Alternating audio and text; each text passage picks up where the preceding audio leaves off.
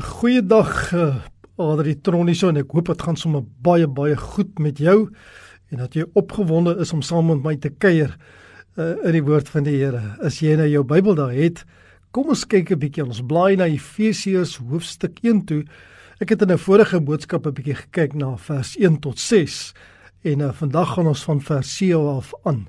Ek hoop jy's uh, saam met my opgewonde daaroor. Maar voordat ons lees, terwyl jy nou nog miskien daar daarna toe blaai, stop so 'n oombliekie, druk die pause knoppie, kom ons bid eers en vra die Here dat hy sy woord vir ons sal oopsluit. Ja, Hemelse Vader, wat 'n wonder om u woord te kan oopmaak en te kan lees, te verstaan, te weet dat u hart is dat ons u woord en die geheimenisse daarvan kan ken, kan verstaan, kan begryp kan vertel aan iemand anderste. Here, u woord is nie toegesluit nie. U wil hê dat ons dit sal hoor, dit sal verstaan, dat ons geseën sal wees deur u woord. En ek bid dat ons nou ook so geseën sal wees wanneer ons deur u woord lees en met mekaar gesels daaroor. In Jesus naam bid ons dit. Amen. Kom ons lees Efesiërs hoofstuk 1 van vers 7 af. En daar staan in hom het ons die verlossing deur sy bloed die vergifnis van die misdade na die rykdom van sy genade. Wat hy oorvloedig aan ons bewys het in alle wysheid en verstand deurdat hy aan ons die verborgenheid van sy wil bekend gemaak het na sy welbehae wat hy in homself voorgenem het om die volheid van die tye te reël met die doel om alle dinge wat in die hemele sowel as wat op die aarde is onder een hoof in Christus te verenig. In hom in wie ons ook 'n erfdeel ontvang het nadat ons van tevore daartoe verordeneer is, ooreenkomstig die voorneme van hom wat alles werk volgens die raad van sy wil, sodat ons kan wees tot lof van sy heerlikheid, ons wat reeds tevore op Christus gehoop het in wie julle ook nadat julle die woord van die waarheid die evangelie van julle redding gehoor het in wie julle nadat julle ook geglo het, verseël is met die Heilige Gees van die belofte, wat die onderpand is van ons erfdeel om sy eiendom te verlos tot lof van sy heerlikheid. Wanneer 'n mens die doel, die rede van iets wat of gesê is of gedoen word of wat nog moet gebeur, weet en jy verstaan dit, dan maak dit mos net alles vir jou meer sin. Dit is makliker om dit te aanvaar of is makliker om dit te ondersteun of self moet jy dalk selfs iets doen en so dis makliker om dit net uit te voer want jy weet waaroor dit gaan. Dit gee sommer vir jou ook waarheid daarin want as ek heeltemal die rede of die doel ken nie dan kan ek my eie redes vorm. Dit kan heeltemal verkeerd wees en aanleiding gee tot 'n tipiese roemer nê. Konflik is die volgende deel van daai proses en dit beteken eintlik met ander woorde dat die werklike doel nie bereik word nie. Nou kom ons kyk wat die Here deur Paulus se brief aan die Efesiërs vir ons wil sê oor spesifiek die doel van ons redding. Het jy ook al gewonder waarom die Here nou enigstens nog 'n keer sou probeer met die menslike ras? As ek nou sê nog 'n keer dan verwys ek nou terug na wat gebeur het voor Noag en die ark en en daarna die kom ek sê die die tweede probeer met die mens waar God hierdie een man en sy gesin Noag uitgehaal het en uit hulle uit uh, het die menslike ras weer verder voortgesprei. Maar nie net dit nie, hoekom gee ek God sommer net vir my en vir jou soveel kansse? Ons ons sê ook sommer God is 'n God van tweede kansse. Die mens wat werklik nie sy Skepper eer en aanbid en liefhet nie, ten minste natuurlik nie, hoe is dit dat God voortgaan en vir ons verlossing gee? Kom ons kyk Efesiërs 1:7 in hom het ons die verlossing deur sy bloed die vergifnis van die misdade na die rykdom van sy genade. Nou hierdie vers begin eintlik met met 'n leidraad vir ons. Dit verklaar onmiddellik dat ons verlossing ontvang het in Hom en dit is Jesus Christus. Hy is die bron en die gewer van ons verlossing. Ons is verlos van sonde en die bose gevolge van sonde deur die verzoening van Jesus Christus. Hoe het Christus dit gedoen? Hy het as God se offerlam sy bloed gestort aan die kruis. Die sondelose het sonde geword vir my en vir jou. Ons het vergifnis ontvang. Ons het God se genade geniet. Wat beteken ek het iets ontvang wat ek nie verdien het nie. En dit is verlossing. Saam met dit ook die hoop op die hemel, die invloed van die Heilige Gees en ook genade en barmhartigheid vir elke dag se lewe met genoeg probleme om te hanteer. En die genade kom nie uit die Here se tekort nie. Hy's nie synig daarmee. Dis nie halfhartig nie. Dit kom uit sy rykdom, die die oorvloed daarvan. En so bevestig vers 8 ook wat hy oorvloedig aan ons bewys het in alle wysheid en verstand. Met ander woorde, dit is nooit onvoldoende nie. Dit is altyd voldoende om te oorwin dit wat sonde kom doen het. En daarom is die eerste leidraad tot die doel of die rede vir ons verlossing dat Christus die bron en die gewer daarvan is. Maar hierdie skenking van verlossing is ook nie uitgedink of beplan deur 'n mens nie. Dis nie die mens wat in die eerste plek voor God gaan staan en gesê het maar ek het nou verlossing nie nodig nie. Nee, dit is die wysheid van God. Dit is nie die wysheid van die mens of enigiets anders in die skepping nie. Dit is geheel in al die breinkind van die Here self. Denke, wysheid, alwetendheid, vooruitsiendheid of watter vermoë of karaktertrek ook al nodig was vir hierdie verlossing van die mens. Dit alles is in Jesus Christus ons Here gesetel. Kortom, as leidraad vir die rede van ons verlossing is dit dat die Here God self hierdie wyse plan gemaak het. Vers 9 sê deurdat hy aan ons die verborgenheid van sy wil bekend gemaak het na sy welbehae wat hy in homself voorgenem het. Nou met verborgenheid word hier bedoel iets waarin jy eintlik ingelyf of geïnisieer moet word. As ek dit nou sou kan verduidelik terwyl ons nou so in die begin van die jaar ook is en en ons dink aan skole wat oopgemaak het, universiteite wat nog oopmaak en so aan. Dan wil ek nou sê dis nou amper soos wat ons gepraat het van jy word gedoop as jy in graad 8 of in in my jare nog standaard 6 in die hoërskool kom of as jy as jy nou 'n eerstejaars student is by universiteit of by 'n by college. Nou dit was eintlik bedoel om die nuweling dan nou in te lyf. Nou ek bedoel nou nie dit wat soms ontaard het in ampere 'n misdadigheid nie wat nou 'n negatiewe prentjie daarvan gee nie maar maar eintlik 'n tydperk en 'n geleentheid waar die nuweling ingelyf word in die tradisies en die reëls en die rotine. En waarom is dit gedoen? Wat is die doel eintlik daarvan? Dit is sodat die nuweling die nuwe omgewing kan leer ken en gemaklik deel kan wees daarvan. Net so word hier bedoel dat God se verlossingsplan deur Christus volgens sy wil en as sy wil aan die nuwe gelowige bekend gemaak word. En ek en jy was ook op 'n stadium nuwe gelowiges. Dit is dus nie die Here se wil dat sy verlossingsplan vir die sondaar verborge met ander woorde dat dit 'n geheim bly nie. Nee, dit is sy wil dat dit bekend en beskikbaar is. Dat kennis daaroor en waaroor dit gaan en van wie af dit kom, wie die bron daarvan is, dat dit bekend sal wees. Ons sal gewoonlik na iets as 'n geheimenis verwys wanneer iets bokant ons begrip dalk is en en ons verstaan dit nie. Ons sê sommer dit is bokant my vuurmakplek maar maar hier is dit bloot gebruik in die sin dat dit eers nie bekend was nie maar nou is dit bekend. Nou is dit heeltemal verstaanbaar. En selfs dit waarom doen God dit so? Die Here het dit gedoen na sy welbehae wat hy in homself voorgenem het. Hy het dit gedoen sonder eksterne hulp. Dit is net hy wat dit beplan het. Dis ook nie gedoen ter wille van iemand of iets anders nie, maar dis na sy welbehae. Die Here vind behaag daarin dat hy die mens kan verlos uit die mag van die sonde en die bose.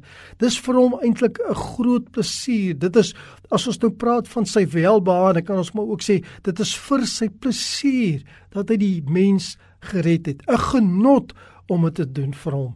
Ook hierin wys die Here vir ons die rede waarom hy die mens verlos. Dat dit tot sy welbehae, tot sy plesier is dat hy dit doen. Nou sê vers 10 om die volheid van die tye te reël met die doel om alle dinge wat in die hemele sowel as wat op die aarde is onder een hoof in Christus te verenig.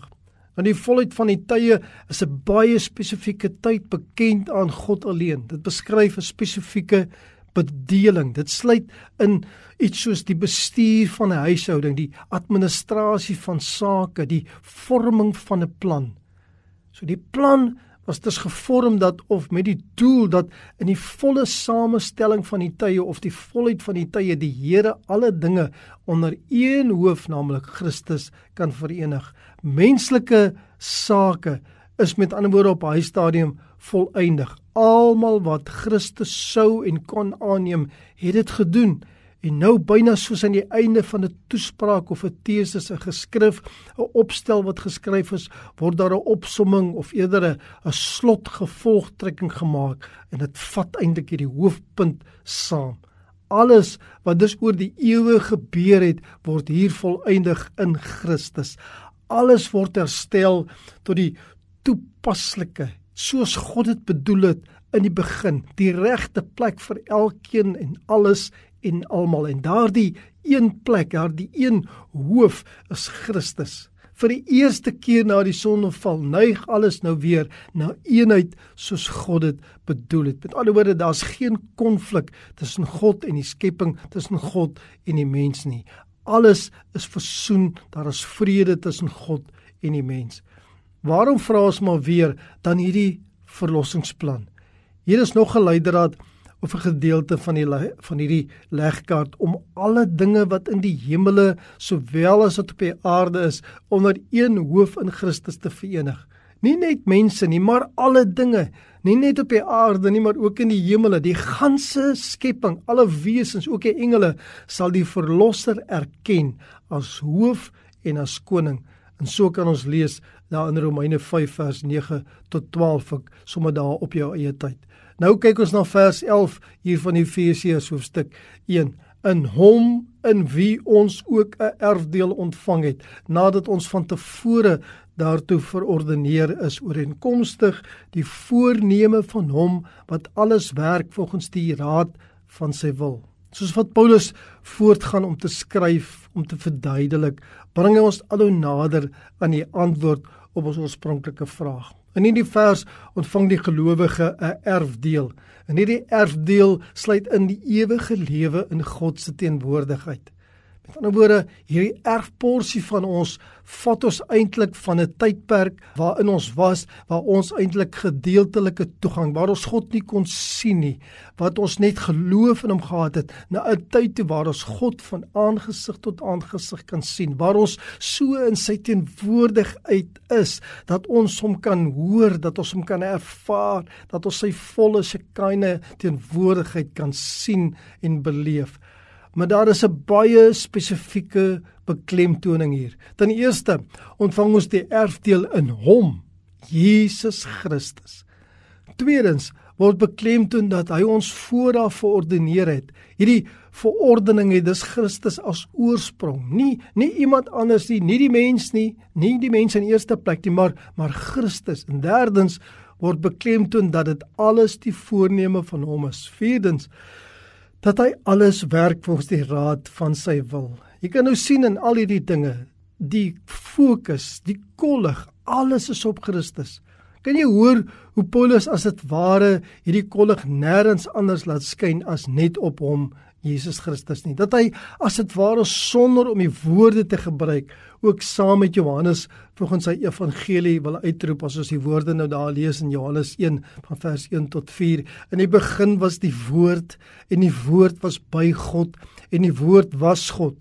Hy was in die begin by God. Alle dinge het deur hom ontstaan en sonder hom het nie een ding ontstaan wat ontstaan het nie.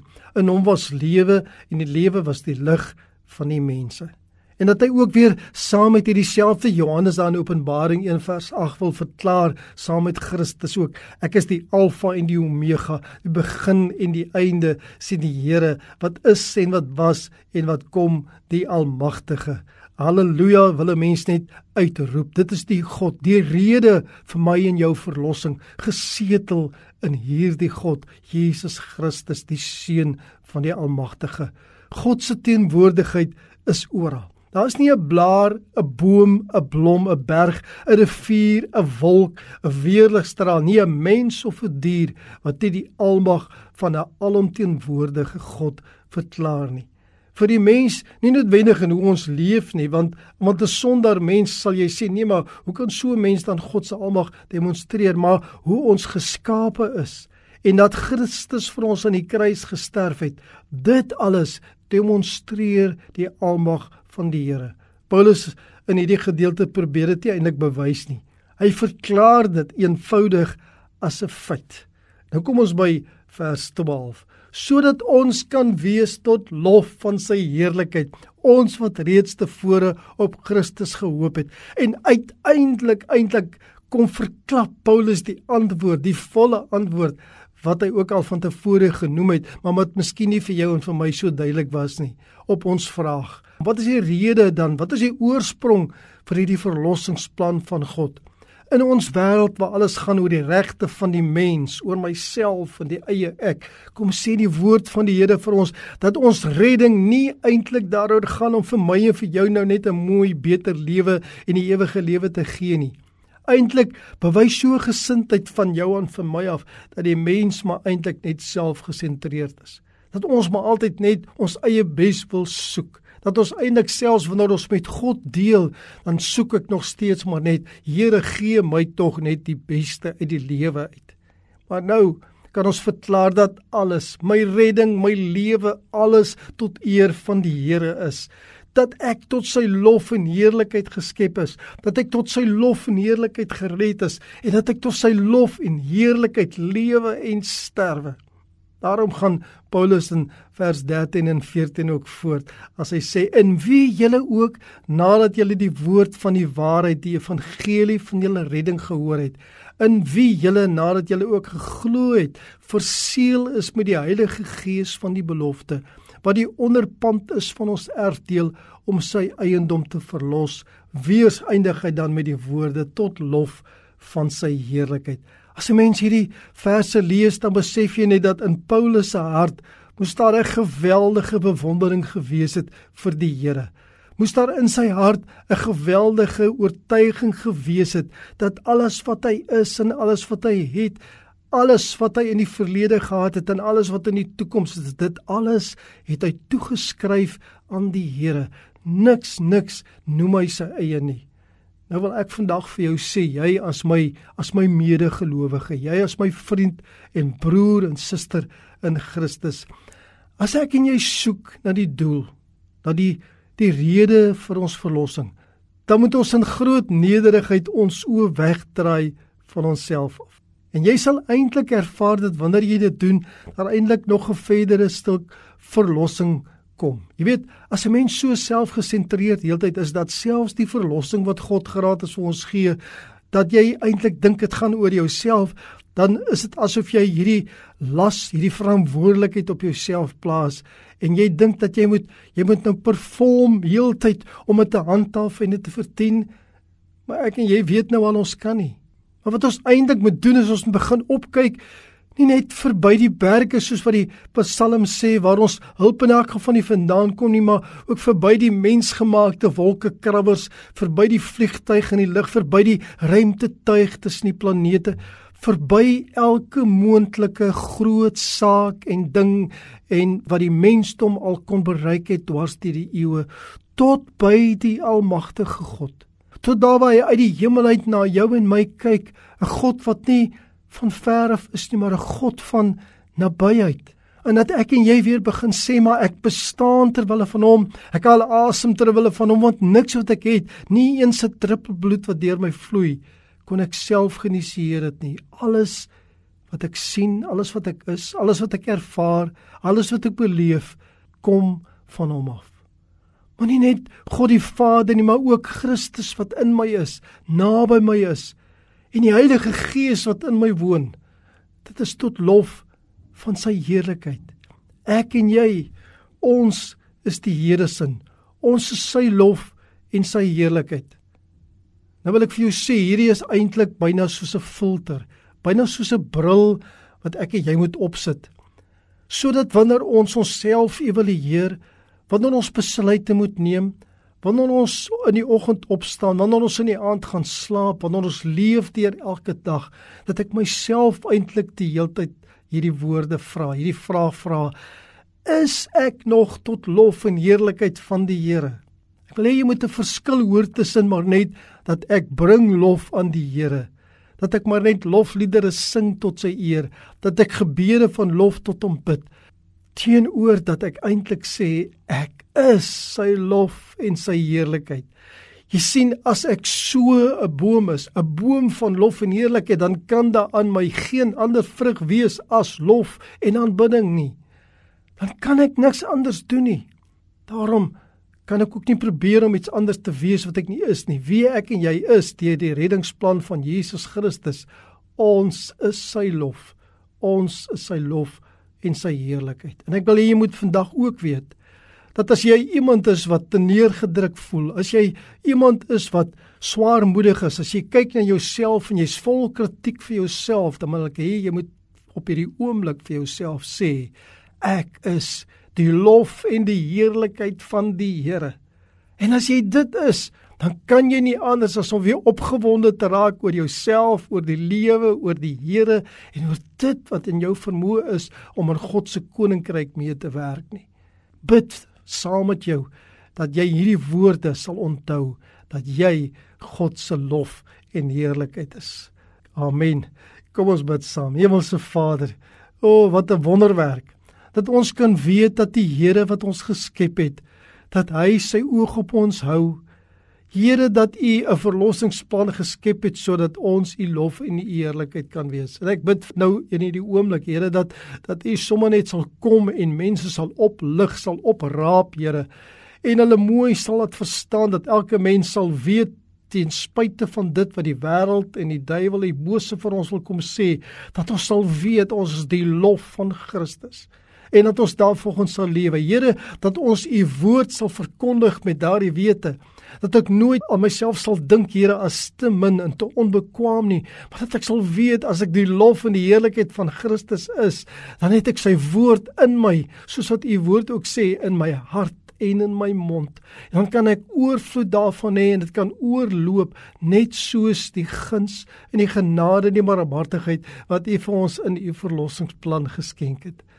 Wil ons kom sê Here baie dankie dat ons u lof en die heerlikheid kan wees, nie net in ons eie lewe nie, maar ook so demonstreer teenoor elke mens wat ons pad kruis. En daarom bid ons ook Here, vergewe ons wanneer ons anders optree as die persoon wie u ons geskep het. Help ons Here om weer in lyn te kom, om op te tree volgens hierdie wete dat ons u lof tot u heerlikheid is. Ons bid dit in die kosbare naam van Jesus Christus alleen. Amen.